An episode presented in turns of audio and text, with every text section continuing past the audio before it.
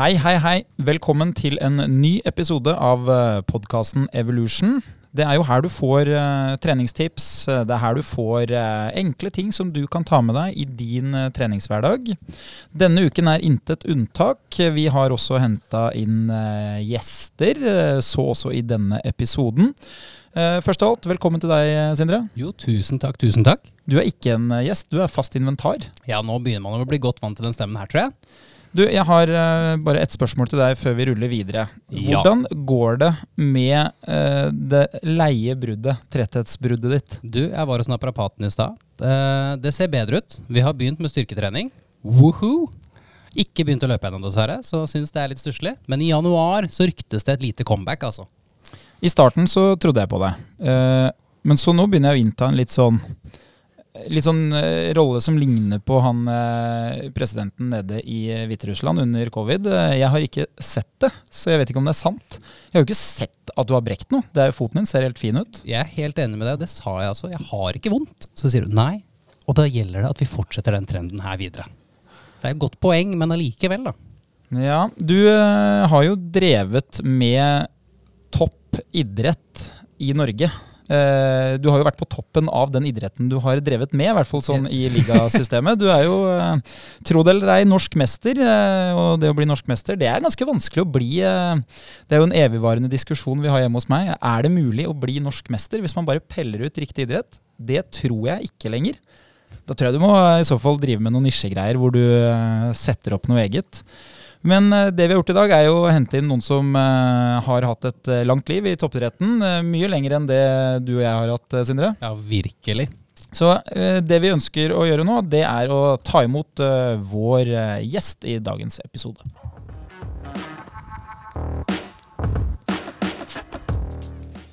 Det å drive med nasjonalsport i Norge, det er det jo ikke alle som gjør. Rekrutteringa er ikke så enkel. Men eh, det å rekruttere folk som ser på norsk nasjonalsport, det virker jo veldig enkelt til tider.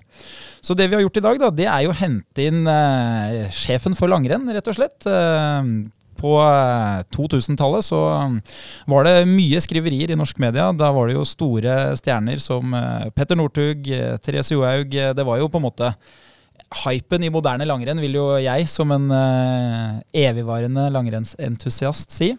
Vi har da med oss uh, Vidar Løfshus, velkommen. Tusen, tusen takk. Det er jo uh, helt nydelig for oss at du har mulighet til å stille opp her uh, i dag. Hvordan, hvordan, er hverdagen som leder i klesprodusenten og klesselgeren Craft? Du, Det er en veldig annerledes hverdag enn å være i toppidretten og være leder i toppidretten. Men uh, nå har jeg funnet meg godt til rette i, i en, sånn, uh, sånn, hybridposisjon mellom, mellom, idrett og, og, tekstil. Så det trives jeg ganske bra med. Jeg, må, jeg, jeg sier det til dem som jeg jobber sammen med, at det må jo være drømmen her å få gå i treningsutstyr hver dag. Treningsklær. og det, det, er ikke så mange yrker man kan gjøre det. Jeg var så vidt innom bank og forsikring. og det ble... Ja, sier litt stygt, da. Det ble litt stivt. Men altså, jeg syns det er veldig godt å komme tilbake og sitte her i en, i en fin treningsjakte fra Craft. Så kult. Vi, vi, har hatt samme eh, dilemma kan vi si, her inne. Han som da er leder i eh, EVO, han eh, har også jobba i andre jobber før han begynte i EVO. Han er økonom. Og han klager litt av og til på at han får ikke brukt de skjortene som var hengt i skapet nå i over ti år. er det sånn det er hos deg òg, at skjortene blir ikke med på jobb? Det er akkurat det samme. Det er jo sånn når man er ute og treffer kunder som representant for Craft, så må man jo ha med og vise fram tøyet. Da, da viser han det fram best på kroppen, så da er det om å gjøre å ta på seg det ene plagget etter det andre. og og det blir veldig sjelden skjorte. Sindre, har du gleda deg til dagens episode? Du er jo av oss den største klesentusiasten sånn uh, merkemessig. det er helt riktig. Jeg var jo oppe på den concept-storen deres og fikk lov å se litt på hva dere har. Og jeg må jo si at det har blitt veldig kult. Ja, det har, vært, eh, det har, vært, bra. Det har vært bra utvikling i Craft. Craft er jo et uh, gammelt merke. Det er jo opprinnelig fra Sverige og er fortsatt svensk. Men uh, det begynte jo med undertøy til svenske flygere, og siden har det jo liksom utvikla seg til ja, De har jo stort sett hele rangen fra sommer, løp, vinter, sykkel osv. Så, videre. så det har blitt stort, og det er bra kvalitet. Men det er klart det er tøff konkurranse i det markedet der. altså Jeg sier aldri noe stygt om konkurrentene. Det er mange bra klesmerker, men Klaft er selvsagt et hestehode foran. det er helt riktig. Men det har jo gått ganske langt fra at dere da dere lagde boksere til nå å ha Norge på brystet ved siden av Kraft-logoen. Ja, det er jo mange som har levd et langt liv som er kjent med Craft eh, superundertøy, som da, som jeg sa, ble utvikla til de svenske jagerpilotene som uh, satt i sånn bomullsskjorte da det var varmt på bakken, og de gikk opp i uh, x antall tusen meter opp i lufta, og så ble det iskaldt, ikke sant. Så da var det viktig å utvikle noe undertøy som uh, kunne transportere både væske og holde varmen, og det gjorde de. Og siden har de på en måte da utvikla tøy, og nå er de jo da inn veldig tungt på langrenn både i Norge og Sverige og Frankrike og en del andre land. Og så har de jo vært bra på sykkel. Vi har hatt, uh, vi har hatt et uh, lag, profflag som har sykla Tour de France på Kraftklær. Og nå skal vi da inn i har vi tatt, sponsoratet med Olympiatoppen og NIF og skal ha kleskolleksjon til Olympiaden i Paris til sommeren. Så um, det, det, det er mye. Og vi satser kjempetungt på joggesko. Så, men det er noen flere skoprodusenter òg. ja, jeg, eh, jeg, har jo, etter at jeg blei voksen, holdt jeg på å si, eh, blitt eh, veldig glad i løping. Det er jo veldig, veldig enkelt. Og, og, sko er jo på en måte det store når det gjelder løping. Der har du jo, der har det jo skjedd enorme endringer. Det har jo skjedd mye i, i langrenn nå. Fra på en måte de skiene som jeg ble introdusert for når jeg var ung, til de skiene som jeg forlot når jeg slutta med, med langrenn eller med skiskyting. Og uh, også det som jeg har gått mye på selv når jeg har gått Birken og sånn. Det er jo klart, når man begynte med klappbindinger på det, det, er jo noe som man gjorde på skøytene, men man begynte jo da plutselig med pilotbindinger. Apropos piloter da, på, på ski. Det blei jo kanskje ikke en evigvarende greie, men det har vært mye, mye utstyrsutvikling de siste årene. Ja, det har vært, som du sier, på joggesko, så er det jo når Karsten Warholm bruker like mye tid nesten i en laboratorium med sitt skomerke som han gjør på trenings... Nede på Bislett, så det, da sier det seg jo sjøl at uh, teknologi og utvikling på, på, utstyr har hatt mye å si. Og så er det jo ofte vanskelig å skille de skomerkene for oss vanlige dødelige. Men uh, vi har jo sett diverse verdensrekorder i år som ja, i år og de siste åra med den nye karbonsola som har Du blir jo bare sittende og måpe. Ja. Det er jo helt vanvittig hva det har gjort. og så blir det jo fort en hype da, til oss som kanskje klarer oss uten den karbonsola. Men uh, ja, du finner for, uh, for, alle varianter. Du finner uh, I Craft så finner du med karbonsola, du finner uten karbonsola. Vi er gode på trail. Og jeg tror det viktigste med sko er at du finner et skopar som passer deg, og kanskje har noen skopar å variere litt med, og det tror jeg er bra for ankler, knær, hofte, rygg osv. For da får du varier, litt variasjon, og da er det skadeforebyggende, tror jeg. Ja, Det er ikke noe hemmelighet det at uh, godt utstyr det sørger for gode opplevelser, men òg gjerne motivasjon. da. Vi, uh, vi, hopper jo her rett inn i, rett inn i nåtiden. ikke sant? Du, uh, du, er da leder for en stor aktør innen sportsutstyr. Men hvor, hvor starta den reisa her? Altså, Du nevner jo bank. Det betyr jo gjerne at man har en utdannelse som gjør at man kan jobbe i bank. Du har jo vært trener, som gjør at man gjerne må ha en eller annen historikk som gjør at det er verdt på en måte å ta imot de rådene du gir. Du har jo selv vært eh, idrettsutøver òg. Eh, det finnes ikke mange likheter mellom oss, men at vi har eh, gått ni mil i det svenske innlandet, det, det husker jeg. Ja, jeg har gått Vaseloppet. Jo da, for å gjøre skal vi si, lang historie kort, da, så er jeg jo en mann på 50 pluss. Jeg har da fått panikk, jeg òg. Redselen for å bli i dårlig form er der. Men jeg var jo på en måte født med ski på beina, og så sier jeg at i sånn Bokstavelig talt så var ikke jeg det, for det har blitt en tøff fødsel for mamma. Men uh, jeg kom i hvert fall rett inn i ski og, og, og, og skihistoria. Og brukt barndommen på langrenn, hopp og vinteridretter. Så spilte fotball på sommeren. Og det tok jeg vel så langt at jeg både representerte Norge og ble nummer seks i junior-VM som det beste som junior. Og kom inn på et eh, landslag. Det var vel egentlig et privatlag noe som het Team Postgiro. Så da var vel en NM-plassering sånn når jeg var på mitt beste, så var det sånn i 3-94. Satsa veldig tungt mot OL på Lillehammer, men eh, det var det flere som gjorde. Så jeg kom ikke dit. Men at jeg var blant de, rangert blant de 15 beste, det var jeg. Så det var ikke så langt unna, sjøl om eh, nære råker aldri, som de sa, de gamle vikingene. Eh, men det året var jeg jo i desidert best form i 94, så da ble jeg da nummer tre i Vasaloppet, som da kanskje i hvert fall den plasseringa som jeg pass, husker best sjøl. Hvis det er noen som linker meg til noe idrettsresultat, så er det ofte den de tar fram. Da. Så det, det var jeg jo selvsagt veldig fornøyd med sjøl. Det, var, det var ikke det støtteapparatet som det var nå. og vi, vi gikk oss igjennom der, og jeg ble regelrett pissa på av en svenske. Det er vel den beste historien med det løpet der. For når det var ti kilometer igjen, så var det Sture Sivertsen og Ottosson og Janne Ottosson og meg igjen i teten der, og vi skulle liksom avgjøre den bataljen der på de ti siste kilometerne. Både Sture og jeg hadde litt dårligere glid enn han svensken, som hadde gjort litt mer hadde litt bedre forkunnskap om føret på slutten, litt bedre glid, og så var det en sånn liten bakke der nede fra noe som heter Risberg, der vi satte oss ned, og så satt jo jeg der ja, må si at jeg var nesten dødssliten da. Og så kjente jeg liksom at det begynte å prikke litt i ansiktet mitt, og så så jeg liksom at jeg begynte å bli litt bløt på hanskene, faktisk. Og så løfter jeg da blikket, tomme, tunge blikket mitt litt framover, og da ser jeg Janne Ottosson, da, som har litt bedre glis, står sånn i halvveisoppreist stilling, og så bare dryper det bakover, ikke sant? Og da og så snur han seg faktisk og så sier han at 'Ursäkta, jeg måste bare', sa han. Og så bare går det to minutter, og så bare fyker han av gårde. Så det løpet over. Men uh, så da ble jeg regelrett pissa på av en svenske, og ble nummer tre til slutt. Men det var, jeg var jo tilbake til det med utdanninga mi, og da var jeg på en måte født inn i langrenn og la opp i 95 og dro til USA. Gikk et år på college der. Uh, ja.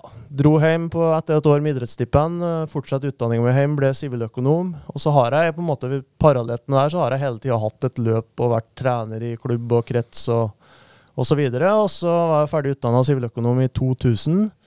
Um, og så så jeg jo egentlig at det passa kanskje egentlig ikke så godt å sitte i ro på et kontor. Så i 2004 så åpna det seg en mulighet for å bli landslagstrener i USA. Da tok jeg den sjansen. Var to år på reisefot med det amerikanske landslaget, og så syntes jeg kanskje det var i overkant mye å være både smører, fysioterapeut, trener og alt sammen. Fly, bestilling av flybilletter og alt. Og da tenkte jeg at ok, nå får den trenerkarrieren være over. Jeg dro hjem til Norge. Så vidt kom jeg i en sånn søkeprosess med nye jobber. Så åpna seg ei dør inn i Skiforbundet, og så var det en uh, femårsperiode uh, som trener. Og, og, da åtte år som landslagssjef etterpå. Og så, ja, nå sitter jeg her.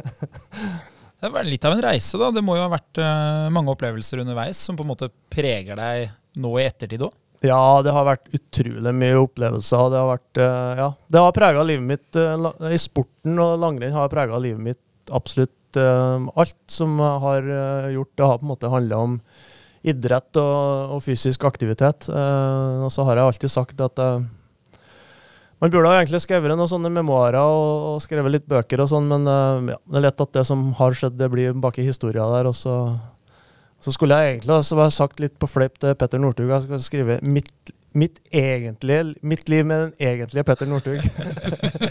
Men nå var han jo ganske ærlig i siste boka si, så det ble bra til slutt. ja, Han begynner vel uh, å nå et stadie nå hvor uh, det å blottlegge seg, det, det, er vel ikke så mye mer å blottlegge, kanskje? Nei da, Petter er en fantastisk herlig fyr. Altså. Han har betydd så vanvittig mye for uh, norsk og internasjonal langrenn. så Håper han holder på i 20 år til. ikke sant. Nei, for det har jo vært litt spesielt, kanskje sånn eh, historisk, da, med norsk langrenn. Det, det sto veldig, veldig sterkt eh, i, i mange tiår. Og så eh, i hvert fall for, eh, for en del tilskuere så blei det jo kanskje en liten dipp eh, når man liksom si, dro ut en sju-åtte år etter eh, et OL på hjemmebane der. Så plutselig var ikke resultatene bra. Vi møtte opp i et OL i Italia uten å levere noe særlig. Og da Vi er jo såpass kyniske, TV-seerne, at da finner vi andre ting å følge med på. Men så blei det jo et lite comeback der. da. Det vil jo anta at kanskje langrennssporten ikke har vært mer populær på nasjonal basis, eh, sikkert på 60 år, da, enn det det var liksom rundt eh, noen VM og OL der eh, med Northug i spissen. da. Ja, det var jo en skikkelig hype, ble det med Marit Therese, Martin og Petter ifra, ifra som du sier, dro inn Torino her, som da var en fiasko for norsk langrenn, og fram til ja, kanskje da Therese ga seg i, i 2020 etter Beijing, så var det jo et ja, det var en periode som uh, uten sidestykke. Og så er det jo like bra resultat nå òg. Og det er fortsatt veldig populært og det rekrutteres veldig godt. Men det, det var jo noen personligheter der som dro oppmerksomheten ekstra til langrenn. Og så var det jo mye føss. Det var mye bråk med Petter. Det var dopingsak med Martin. Det var dopingsak med Therese. Så det var Ja, vi uh, vi opplevde ganske mye, vi som sto i det i den, i den tida der. Ja, for det var jo kanskje litt ulikt sånn som det skulle være. da. Det var jo en 50-60 år med helt identiske mennesker som var tømmerhoggere og som uh, gikk fort på ski, og som uh, helst ikke sa noe mer enn uh, hei og ha det. Og så plutselig så får man da inn folk som er villige til å uttale seg på kryss og tvers. Hvordan, hvordan oppleves det å både skulle liksom være ansvarlig for en del av de tingene, men samtidig måtte besvare det også? Det må jo være veldig hardt? Eh, ja, det blir litt sånn uh, av og til, da, når det sto på, sto på som verst. De verste periodene var jo selvsagt det som skjedde rundt Martin og Therese, med den astmasaken og den uh, berømte leppekremmen til, til Therese. Da. Det var jo da det blåste som aller verst. Da blir du egentlig som Du går egentlig litt sånn inn i krigsmodus, tror jeg. Du, du kjemper og slår, slår rundt deg og gjør så godt du kan for å besvare. og og ikke minst beskytte utøverne, sånn at de uh, blir tatt, godt tatt vare på. Så det, det, er jo en helt spesiell situasjon. Det blir sånn Når jeg tenker tilbake på det, så tenker jeg hvordan i all verden klarte vi å overleve, overleve den perioden. der Vi var jo en liten organisasjon, og det var noen få mennesker som jobba med et vanvittig medietrykk, om det var USA, Sverige eller Norge. Så ja, du går inn i en sånn fight-modus, og så bestemmer deg for at uh, det her skal vi stå igjennom, og så får noen andre bedømme om vi gjorde det. Men vi, vi, vi bevarte i hvert fall populariteten vår gjennom de åra der òg, sånn at vi, vi, vi, kom godt ut av det. og Therese ble en bedre skiløper, og Martin var fortsatt god. og De, de rundene med Petter og det, det, ga jo bare enda mer oppmerksomhet til sporten. Og det comebacket han hadde i Falun eh, i 2015, det trenger vi ikke å si så mye mer om. Nei, det er jo, det er jo egne historier, det der.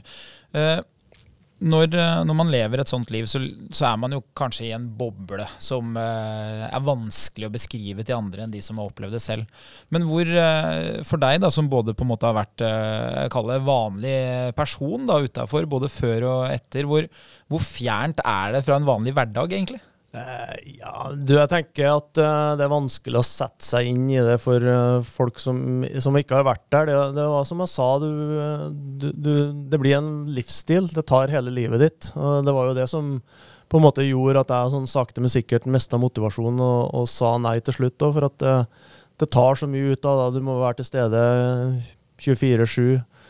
365 dager i året. Eh, og jeg som har da unger litt i litt voksen alder, så litt, litt seint har fått unger i voksen alder, så, så er den kombinasjonen helt håpløs. Da, da er ikke du til stede. Du, du, må være så i det hele tida. Eh, jeg tenker jo sjøl at jeg nesten levde som en toppidrettsutøver når du når jeg var trener og leder der òg. Du skal holde deg frisk, og så skal du ta vare på utøverne. Skal du være til stede hele tida, og så skal du være med og være i god form. for du skal delta i støtteapparatet som tester, tester ski, og så skal du stille opp for sponsorer, og så skal du stille opp for pressen. Så det, ja. du hører da at den hverdagen der, den, eh, den blir ganske hektisk.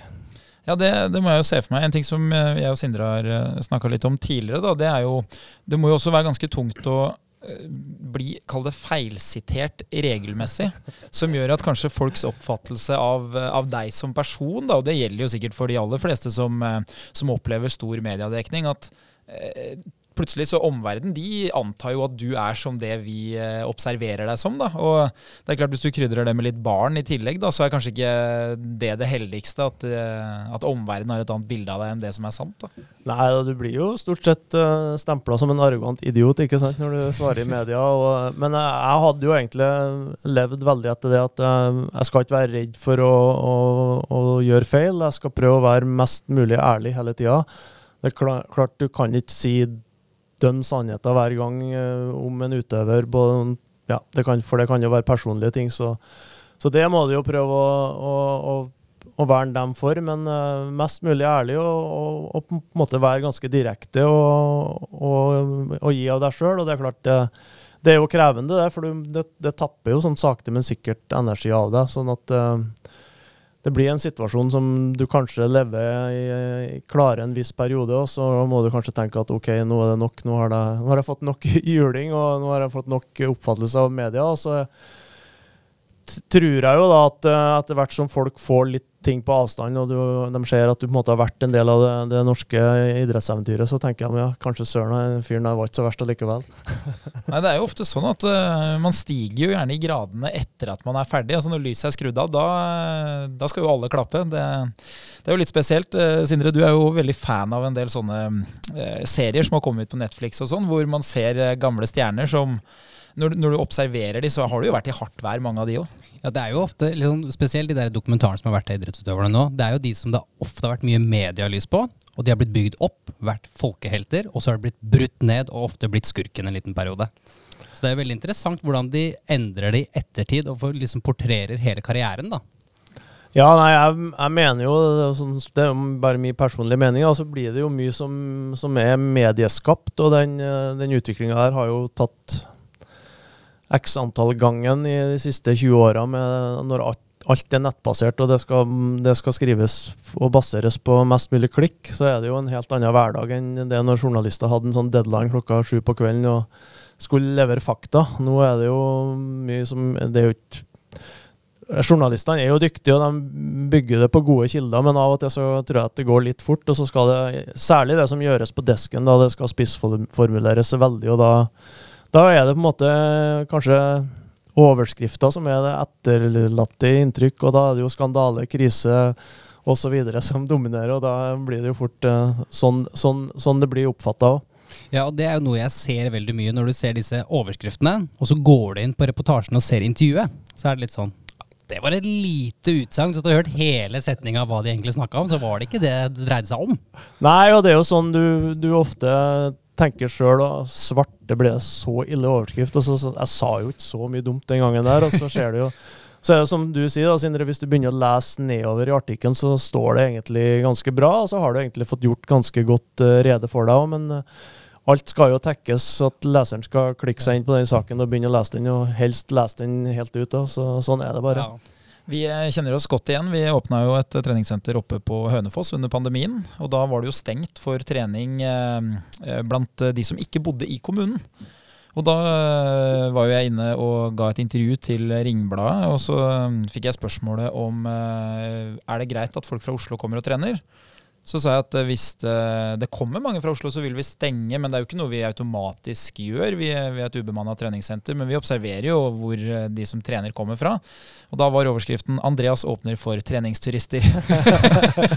da, da, måtte jeg ringe inn en søndag på, på, desken der og si at akkurat nå så har jeg en 19 eh, år gammel gutt som er personlig trener, som er fra Hønefoss. Og nå har han låst seg inn på do, for nå tåler han ikke mer hets fra de som trener der. Så enten så må dere endre, eller så må jeg stenge treningssenteret. Og det vet dere veldig godt at uh, det her er ikke riktig. Ja. Nei, det er jo sånn det blir. Fjær blir fort uh, x antall høns. Det, det, er dessverre sånn det er. Ja. Så media er jo krevende, og det ser man jo hvordan de store bedriftene etterblører seg. De har jo x antall kommunikasjonsrådgivere. I Skiforbundet er det vel kanskje to og, halv, to og et halvt årsverk på, på kommunikasjon. Det siste jeg hørte nå, det var jo at det var ja, det var 29 000 oppslag om langrenn det siste året um, som organisasjon. Da. Det neste på lista var Equinor med 20 000 oppslag. Eh, fotballandslaget herrer, menn, da hadde 14 000. Så det sier litt om det trøkket som er rundt langrenn fortsatt. Ja, det er jo ekstremt. Og jeg vil jo anta at uh, Equinor er bedre skodd også i kommunikasjonsavdelinga. Ja, der sitter sikkert uh, i hvert fall 100 årsverk. Helt klart. Du, en, en sånn tøff eh, hverdag som det her, det, det, betyr at man må være litt rakrygga og man må liksom tørre å stå for det. Men eh, hvor mye av det kan du tilskrive litt tøffere opplevelser tidligere i livet? Du hadde jo en, eh, en episode når du var yngre hvor, eh, hvor, du fikk eh, kreft. Det må jo ha vært ganske ekstrem påkjenning det òg, for, for, livet generelt? Ja, jeg tror jo i hvert fall jeg som sånn, Det var oppveksten min. Jeg har på en måte vokst opp på en gård og vært, alltid vært vant til å ta et tak. og det har vært eh, Ja, det var ikke så mye alltid, alltid det var mye skryt, men det var et sånn anerkjennende nikk når ting gikk rett vei, og så var det litt kjeft når du gjorde noe feil. så det, jeg tror jo på en måte det er jo sikkert barndommen og ungdommen som har forma meg mest i forhold til at, vi, at uh, man har blitt den jeg har blitt. Men du nevner jo det med sykdommen min. og jeg var ja, når jeg var bare 38 år, så fikk jeg jo endetarmskreft, og det har jo selvsagt prega meg. Men uh, om det har gjort med, så mye med meg som leder og sånn, det tror jeg Det har kanskje prega meg mer i forhold til tror jeg, empati og følelsene og, og det å se folk sånn. Eh, blitt, ble vel litt mer, kalle ja, bruk i anførselstegn uttrykket følelsesmenneske etter jeg gikk gjennom en sånn tøff sykdom og nesten så døden i øyekroken. da det gjorde nok noe med hvordan jeg så på mennesker og hvordan jeg jobba med folk, tror jeg, mest.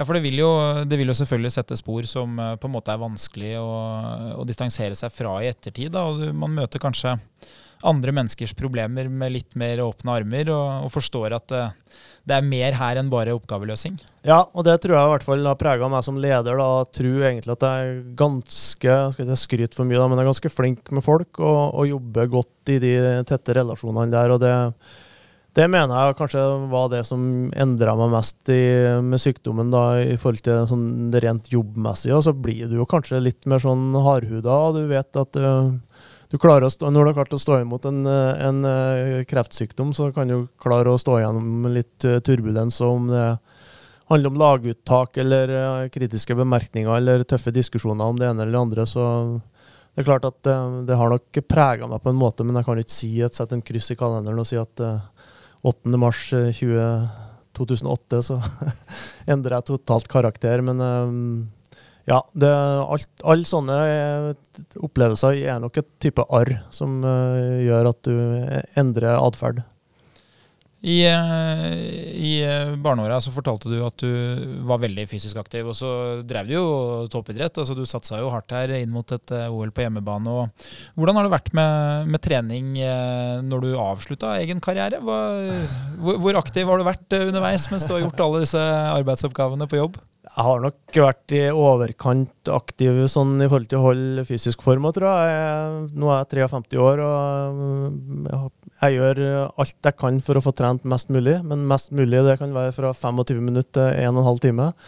Mest utholdenhetsidrett fortsatt, men jeg har faktisk noen som har slått noen sånne kloke setninger inn i hodet mitt og sagt at Vidar, nå må du skjerpe deg, du må ta litt mer vare på muskel og skjelett. Så da, da, blir det litt sånn styrke og ispett, men, eh, men mest er det utholdenhetstrening. og er nok prega av det miljøet jeg har vært i. og det, Nå har det egentlig gått over til fra at du var kanskje midten av 40-åra, så var det om å gjøre å være best mulig form og kanskje føle at du hevda deg litt imot yngre folk. Men nå er det jo en kamp imot forfallet og en kamp imot uh, den tolv år gamle sønnen min som må drive med litt idrett.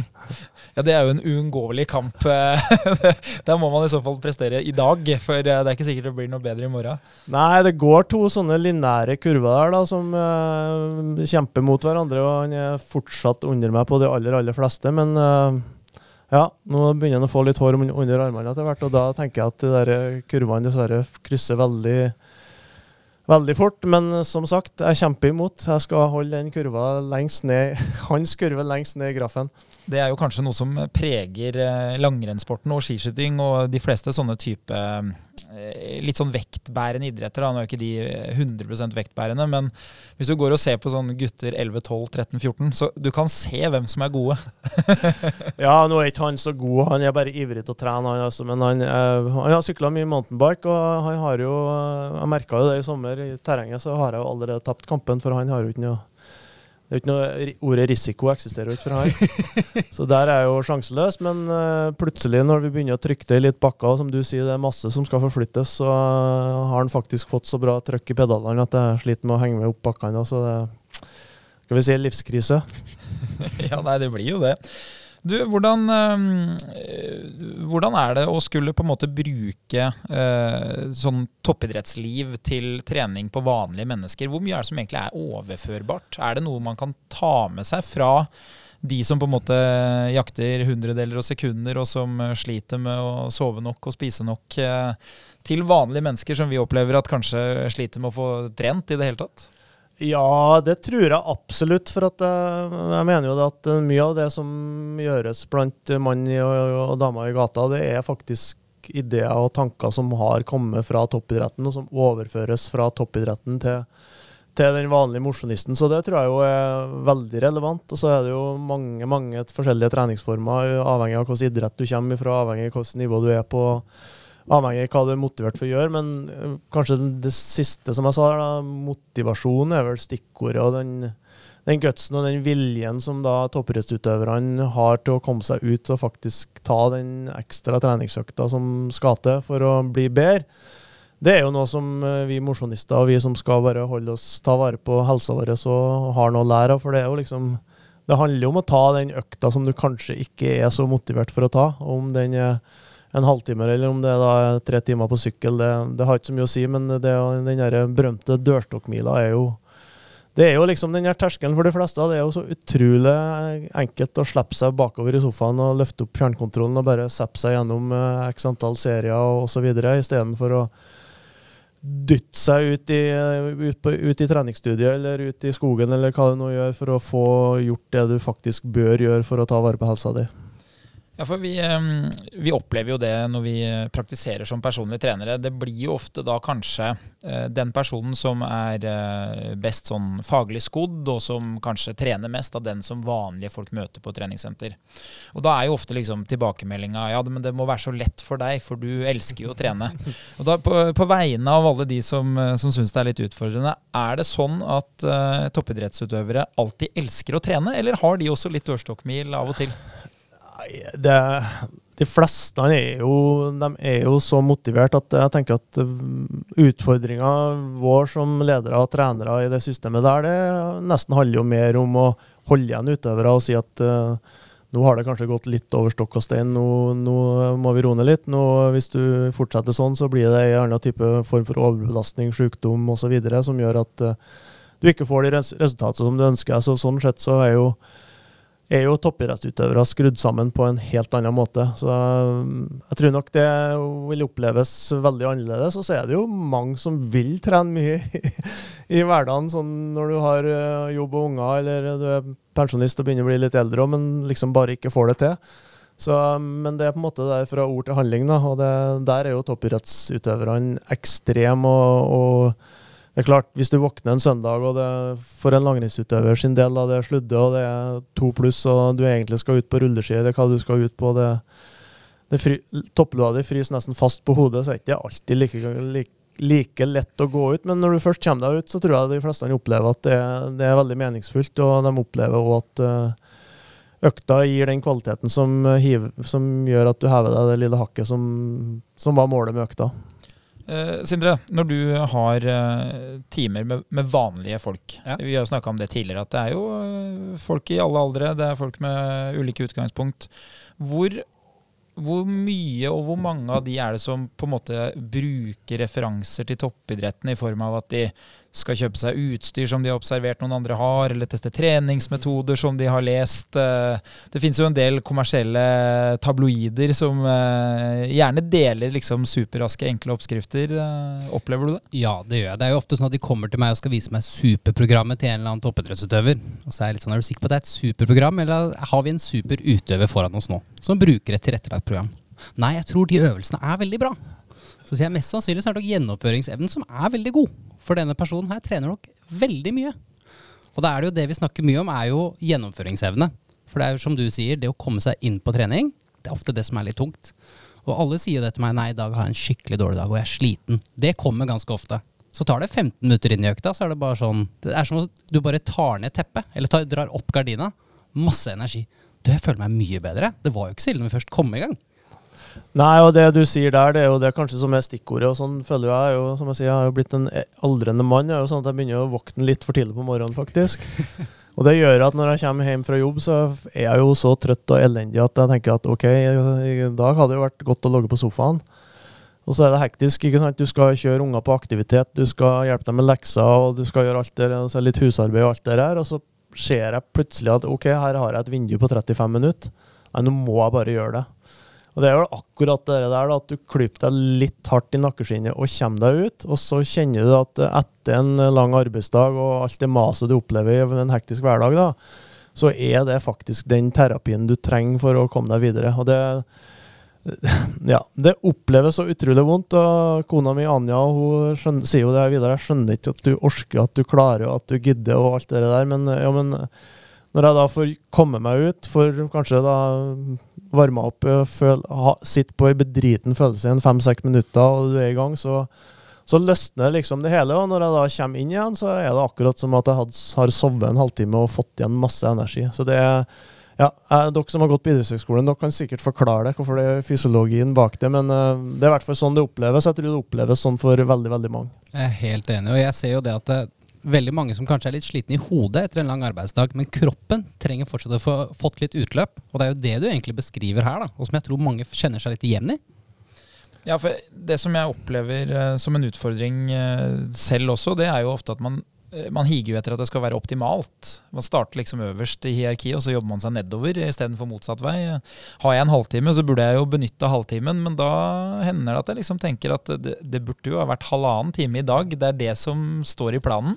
Og så blir det ofte til at man ender opp med å droppe det. Men i dag tidlig til og med så hadde jeg da et vindu på 25 minutter. Og eh, jeg er jo glad i å løpe, og eh, det var det jeg hadde på planen i dag. Jeg løp eh, langt og hardt i går, så da passer det bra. Så da i løpet av 25 minutter så rekker jeg jo liksom å kjenne på følelsen av at uh, det her er jo helt bortkasta. Jeg kunne droppa det, for det blir jo ikke langt nok til at jeg da har den litt sånn kjipe oppvarmingsfølelsen. Og plutselig, når det har gått liksom 17-18-19 minutter, så tenker jeg jo sånn dette er, jo, dette er jo bra. Det her er jo sikkert det kroppen min trenger. Og så avslutter man etter eh, Nå holdt jeg på i 25 minutter, og da, det har jo blitt for de aller fleste en god økt. Og hjertet har fått slått uh, lenge med, med jevn intensitet. Da. Så det er kanskje ikke så mye som skal til. Nei, og det, er jo, det, ser vi jo på de anbefalingene som kommer fra Folkehelseinstituttet. og Nå er det jo siste undersøkelser, eller forskninga på hvor lite som skal til. Altså, så så er det jo akkurat det som er 25 minutter eller et kvarter eller et eller annet med fysisk aktivitet og, og litt puls og litt stimuli. Det, det, er det som skal til. og Hvis du da klarer å repetere det da sju dager i uka, så blir det faktisk ganske, så blir det nok minutter i forhold til at uh, kroppen din har fått den stimulien han trenger for å, for å da ta vare på, på kropp og helse. og det jeg tenker jo For min del også, så har jo det har blitt litt sånn tvangshandling for meg. da, for jeg, som Du var jo så vidt inn på det, var operert for kreft og og fikk da en stomi som jeg da må forholde meg til resten av livet. Det betyr at du har en pose på magen der alt, alt kommer ut. og det er jo én ting som stimulerer mage- og tarmsystemet. Det er aktivitet, og det er puls, og det er pulsen som, som driver magen videre. og det, det, merker jo jeg at hvis jeg da plutselig er en situasjon der jeg blir veldig stillesittende over flere dager, kanskje av og til hender faktisk at jeg blir forkjøla, jeg òg, blir jeg veldig stillesittende. Og da, begynner det faktisk å gå litt på tverke i magen. Og får jeg da rørt meg litt, så starter magen opp igjen, og så, og så stimulerer du da magetarm og alt det der. så ja, det har i hvert fall gjort at jeg som da har hatt en par sånne runder med tarmslyng og, og, diverse lidelser, så har jeg tenkt at ok, nå må jeg i hvert fall gjøre det jeg kan for å forebygge det. Så det er jo bare en, en bitte liten del av alt det andre.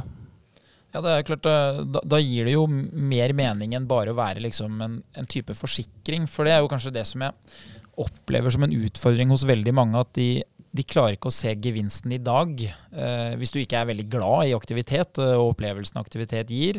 Du øh, føler heller ikke på vanvittig motivasjon mot å skulle visuelt se bra trent ut.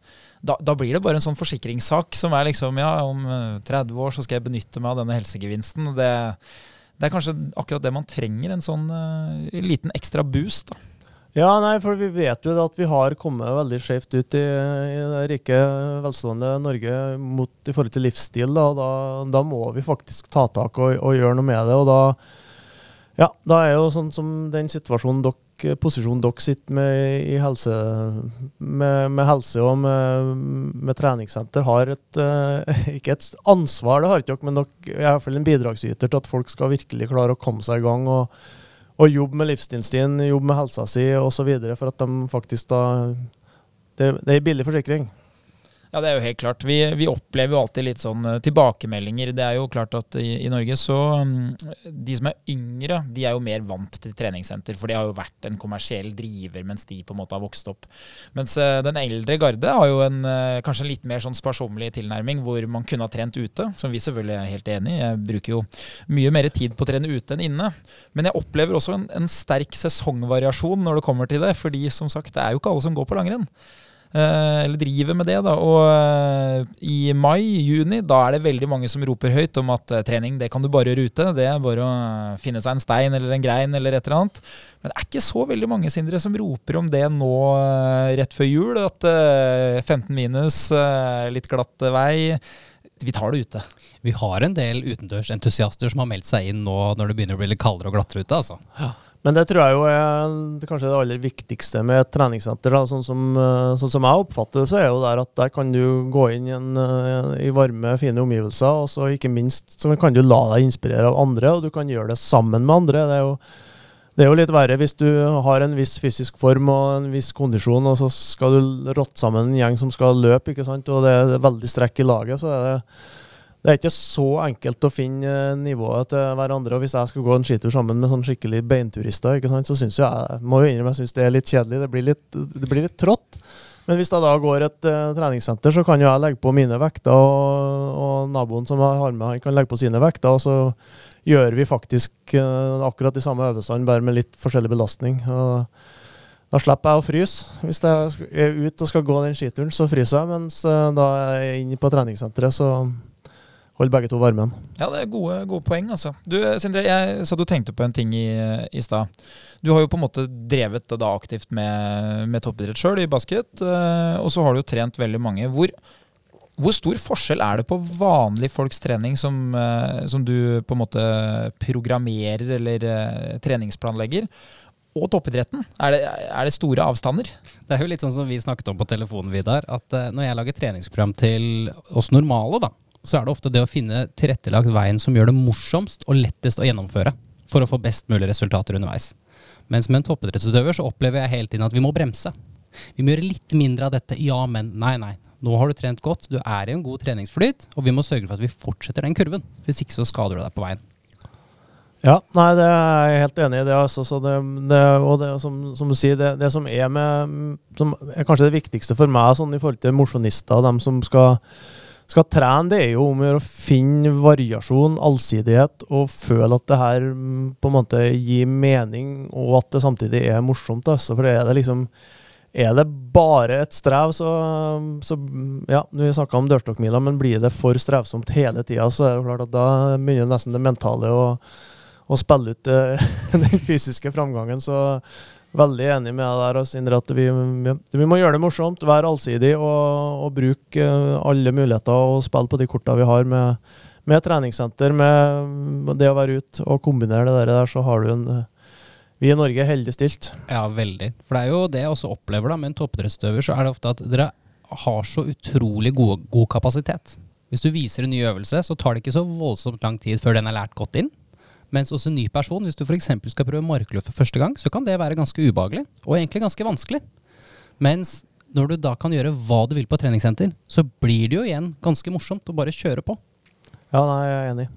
Hvor, um, hvor, stort fokus er det i, uh, i et sånt uh, toppidrettsmiljø på veien videre? Det er, jo, det er, jo, vanlig at noen uh, utøvere tar litt utdannelse underveis. det var litt sånn Vi snakka om toppidrett i stad, Sindre. så tenkte jeg litt på fotballspillere. at uh, En ting er at uh, de ikke kjenner på dørstokkmila, men der må man jo gjerne lære de å betale litt skatt, uh, vaske klærne sine. Det er jo mange andre vanlige oppgaver vanlige folk klarer helt fint, som de ikke klarer. Men jeg har jo lest noen sånne nyhetssaker om treningstips fra landslagsutøvere i langrenn til vanlige folk. Ja. Og det er jo noen av de tipsene hvor jeg tenker at jeg tror ikke de har møtt så veldig mange vanlige folk med ski. Hvis det, man skal opp i Holmenkollen og kjøre en tre-fire uh, ganger 20 minutter med høy intensitet, så tenker jeg at uh, det blir i hvert fall ikke så mye gjennomføring av den, det treningsforslaget. Er det, er det, noe man snakker om i en sånn gruppe? Hva man skal gjøre videre i livet? Er det noe forbundet og lederne tar ansvar for, eller er det liksom folk fritt vilt? Mm, nei, det er litt litt det siste, kanskje, at folk er litt fritt vilt. Men det er, jo, det er jo, et tema, og Olympiatoppen legger jo til rette med karriereveiledning. Så, og vi har jo hatt diverse sponsorer inn som har eller vi, når jeg jobber her, da, så var det diverse sponsorer som var på banen der man kunne få være med på trainee-program, man kan få tilrettelagt litt i forhold til utdannelse. Og så er det jo veldig mange av de yngre utøverne i dag som Vi snakka jo igjen i er ganske tøff økonomi å være langrennsløper, i hvert fall. Og syklist og friidrettsutøver for den del. Da kombinerer de det ofte, i hvert fall tidlig i karrieren, da, med en litt sånn utdanning. Og da får du jo studielån, ikke sant, så kan du spe på med det. Så da Jeg vil jo si at det er ganske mange som kjører det løpet der, og så etter hvert da så blir det kanskje mer og mer satsing og mindre og mindre utdanning, og man blir mer og mer avhengig av lommeboka til mamma og pappa. Ja, det er, et, det er, jo et, beinhardt liv. Det er jo klart at Studiepoengene som deles ut på Lillehammer, er jo Det er vel overrepresentert til idrettsutøvere, tror jeg.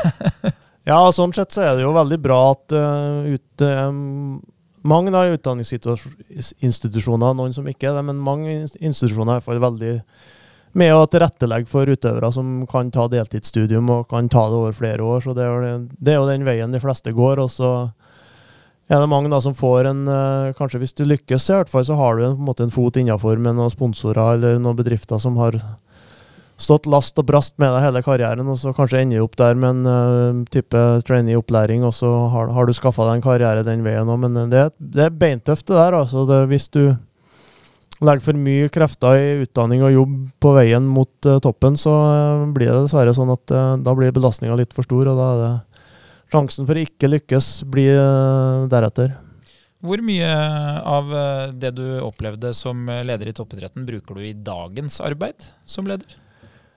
Jeg tror jo det, livet mitt som, som, idrettsutøver og som leder i toppidretten har jo prega meg uansett. Så hvor mye og sånn, hva som er det ene og hva som er det andre, det er det jo vanskelig å si. Men jeg er noe, det preger jo hverdagen min hele tida. Du har jo på en måte et litt sånn toppidrettshode hele tida.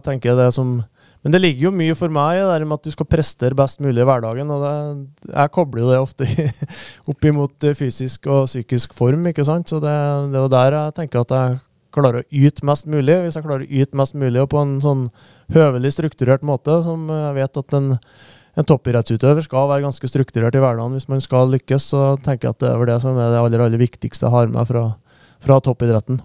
Ja, og så er det kanskje litt flere av samtalene og meningene som går internt. Du slipper kanskje å lese om det i avisa før du, før du møter de. Ja, det er ikke minst det. Altså, no, akkurat nå så er jeg i en jobb der jeg ikke har noe, mm, har noe medarbeideransvar, så da, da tenker jeg at uh, det var ikke akkurat det som jeg har tatt med meg mest da, men når jeg var i min forrige jobb, så hadde jeg jo medarbeideransvar, og da klart at da brukte jeg jo veldig mye det jeg har lært av trener-utøver-relasjon, som, som, er egentlig akkurat det samme i, i arbeidslivet òg. Og det handler jo om å se folk og, og, bry seg om folk og prate med dem og følge opp dem i hverdagen. Du får liksom aldri ført opp en medarbeider nok. Og det er vel kanskje det, det er jo sånn det er i idretten. og det den trener-utøver-relasjonen der er så utrolig viktig, og ofte det som bikker den ene eller den andre veien for at du lykkes i idretten. Da.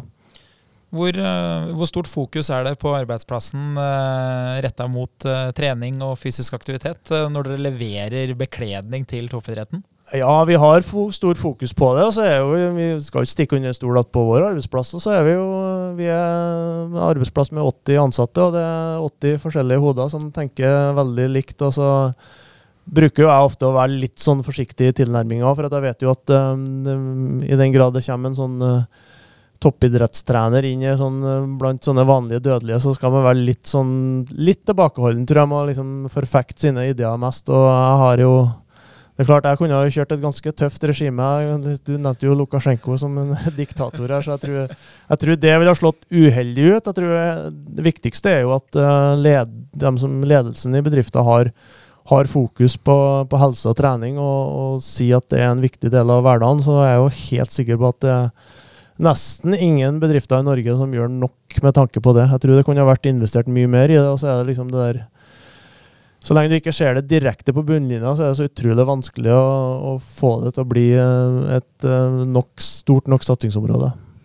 Ja, det er jo ikke så mye som skal til. Vi ser jo det at til og med, som, som du beskriver, da, at Helsedirektoratet anbefaler jo nå styrketrening i tillegg. Som på en måte åpner opp for at fysisk aktivitet kan være så mangt. da. Hva, hvis du ikke får bruke ski, hva, hva er det du foretrekker å gjøre sjøl? Nei, jeg er jo veldig glad i løping og sykkel og, ja, og litt, eh, som jeg sagt, sa, litt mer styrketrening. Og, og gjør det veldig enkelt. Jeg må ha på en måte Skal du rekke de der 25 minutter, hvis du da ikke har tilgang på en, eh, et, eh, et, treningsrom, så må du bare Da, da sier det seg sjøl. Da er det bare å få på seg skoa skoene med en gang. Eller jeg går mye på rulleski og bruker det som, som styrketrening. Da, så jeg sier gjør det enkelt. og Er det sånn at du bor i, et, i, en by, og så er det jo stort sett et treningssenter på hvert gatehjørne, så da er heller ikke det noe unnskyldning hvis du syns at været er litt grått og trist ute i en sen november- eller tidlig desemberdag. Jeg har jo eh, i utgangspunktet eh, satt en utfordring for Sindre, og det er jo at vi må få på han eh, langrennsski. og han, han, kom jo fra å ha fullført en utfordring nå i sommer. Han løp en ti kilometer i Drammen i vår, og så løp han et halvmaraton i Drammen i høst. Ja, det... Og det var jo ikke sånn at uh, Sindre tenkte at dette er en kjempeidé, dette har jeg drømt om hele livet. Det, det var vel mer tvang, men uh, nå var jo jeg til stede da når du gikk i mål, Sindre, på den halvmaratonen. Hvordan, det å liksom konkurrere og, drive med noe som ligner på det man kan se på TV, hvor, uh, hvor motiverende er det liksom å mestre det? Veldig. Og jeg tror det er litt det det handler om når vi snakker med dere toppidrettsutøvere. Når dere mestrer så mye av en treningshverdag, så er det veldig gøy å gå på trening. Og jeg må jo si at en som aldri har løpt lenger enn 6 km, for når du driver med basket, det er en ganske kort bane, og det er mye mer fokus på hopp og sprett enn det kanskje er å løpe langt, så blir det sånn at man egentlig er ganske dårlig til å løpe. Det er ikke noe å legge skjul på det. Så når man da får litt mestringsfølelse på det, og begynner å kjenne på lette økter Oi, det var ikke så tungt å løpe 10 km, det har jeg aldri opplevd før. Så finner man jo ut at kanskje det ligger mer på kompetanse og erfaring enn det det egentlig gjør på motivasjon. For det er klart at motivasjon kommer av at du er god. Ikke at jeg er god ennå, altså. Det skal jeg ikke ta på meg. Jeg har jo en del eh, kompiser som jeg har eh, litt sånn ufrivillig sendt fra Rena til Lillehammer. Eh, det er jo en god idé når vi snakker om det på forhånd.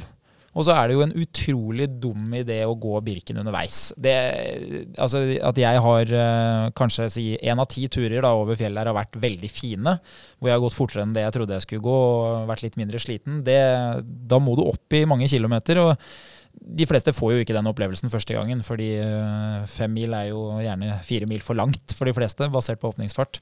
Men det jeg observerer, da, det er at de, de, er veldig optimistiske på forhånd. Da er de motivert, og så får de seg en skikkelig knekk. Og den knekken den tar de med gjerne ut av sporet og etter at startnummeret av. Og jeg får direkte skylda for uh, hvor forferdelig det var. Men så når det går noen dager, noen måneder, noen år, så begynner plutselig det å bli historier som uh, jeg er glemt som pådriver. Men prestasjonen den lever som en sånn uh, gammel motivasjonsfaktor. og det er vel kanskje det man ser, da, at hvis man evner å gjøre noe som man anser som, som bra, da, målt mot andre, så, så kan man bruke det som motivasjon. Det føler jeg litt den gjengangeren jeg hører alle som har vært i militæret også. De forteller om hvor forferdelig jævlig det var å være i førstegangstjeneste. Og hvor gøy det var samtidig. Men det var det. Det var, det var, det, det var kaldt og grusomt. og allikevel så savner alle og enhver det like mye. Og det er vel det vi gjør. Altså man, man har jo alltid fokus på man må huske reisen, ikke bare endestasjonen. Og det er jo den man egentlig begynner å sette litt pris på. De øktene hvor du er ute i sludd og snø i minus to, og du tenkte åh, det hadde vært digg om det var sol og jeg kunne stått i baris og så på rulleski nå så er det de du er stolt over, ikke de lettøktene. Ja, nei, men jeg tror det er noen veldig veldig gode poeng dere har med der. Og det der med den historiefortellinga er, er, jo viktig. Er man en guttegjeng som uh, ljuger og skryter litt, så tror jeg det og det er kanskje noen av dere som, noen som i gjengen som trener, og andre som ikke trener, så er jo de der historiene der som kanskje drar opp og drar fram motivasjonen i noen igjen. Tenk deg at, ja, at du klarte faktisk å løpe Oslo Maraton i i 1999, og så nå sitter du her og er dvask og feit, ikke sant?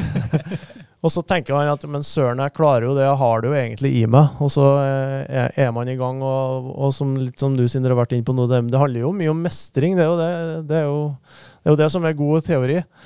I forhold til det, og, og, mestring, og føle at man klarer å få til et eller annet, og, og, la seg inspirere av det. Altså, og tenke litt tilbake i tid, og at ja, men søren, det her klarer jeg, og jeg, jeg klarer faktisk å og løfte meg så opp med, med, litt trening at jeg klarer å gjennomføre da, Birken, som vi snakka om her. Hva er, eh, hva er, veien videre? Du beskrev jo en plan her om eh, et OL som kommer. Det blir jo, eh, nå er jo plutselig Norge en sommernasjon, så det blir jo store saker. Hva, hva fører veien videre? Veien videre for meg nå, det er jo selvsagt gjøre en best mulig jobb for Craft. Vi har jo tenkt å ta store markedsandeler fra våre konkurrerende merker. Og som jeg sa, var så vidt inn på her, vi har et veldig bredt sortiment av klær. Vi har jo en sånn trelagsteori da, med innerplagg og mellomlag og ytterplagg sånn i forhold til vinter. og Får veldig mye gode tilbakemeldinger fra landslagene som bruker klærne våre nå. Så er vi da hardt inn på sommer-OL, så vi ja, vi har, en, eh, vi har, en, tøff kamp foran oss. Vi, skal vi bli nummer én i det markedet der, så det, det er noen flere som konkurrerer der òg. Det er ganske mye kapital som er inne i markedet. Men eh, vi, jeg sier målet mitt er at vi uh, skal være med og bidra til at, vi, at folk blir inspirert av klær òg. For jeg tror det kan ligge mye inspirasjon i å, å, oppleve at man har klær som er funksjonelle og gode, og som faktisk uh, funker om man skal gå i et treningsstudio eller om man skal gå over uh, Midtfjellet på, i Birken. Uh, og der er vi veldig på godt vei, og så tror jeg at vi blir veldig synlige nå i, i mesterskapene framover. Det er VM i Trondheim neste år, og som sagt OL. Så kommer det et OL til i Milano, og der skal der skal Craft være en del av den pakka som gjør at norske idrettsutøvere presterer. og det, ja, det, Vi har jo lest jo mye om utstyr. Vi var, jeg var så vidt inne på Karsten Warholm, og vi skal være med å bidra der. og Sånn at utøverne har det absolutt beste utstyret. sånn at vi hevder oss, eller vi da, sier jeg som idrettsnasjon, hevder oss godt i de neste mesterskapene. Veldig spennende. Til og med du, Sindre. Nå, jeg er jo da kjent med, med craft. Jeg, jeg, har jo eh, litt vinteridrett i meg. I din verden fins det jo bare ett merke. Ja, og et undermerke, da. Ja, og et undermerke, selvfølgelig.